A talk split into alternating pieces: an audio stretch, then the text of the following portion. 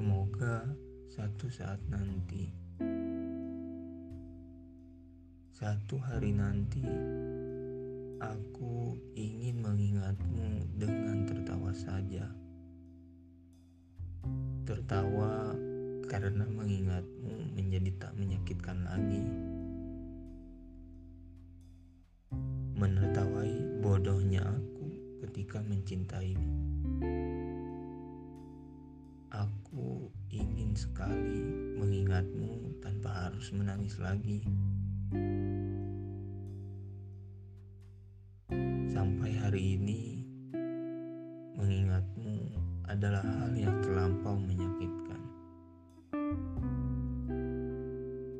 Karena artinya aku harus kembali mengingat perihal mimpi yang mati, perihal rindu tak bertepi, perihal angan yang berterbangan,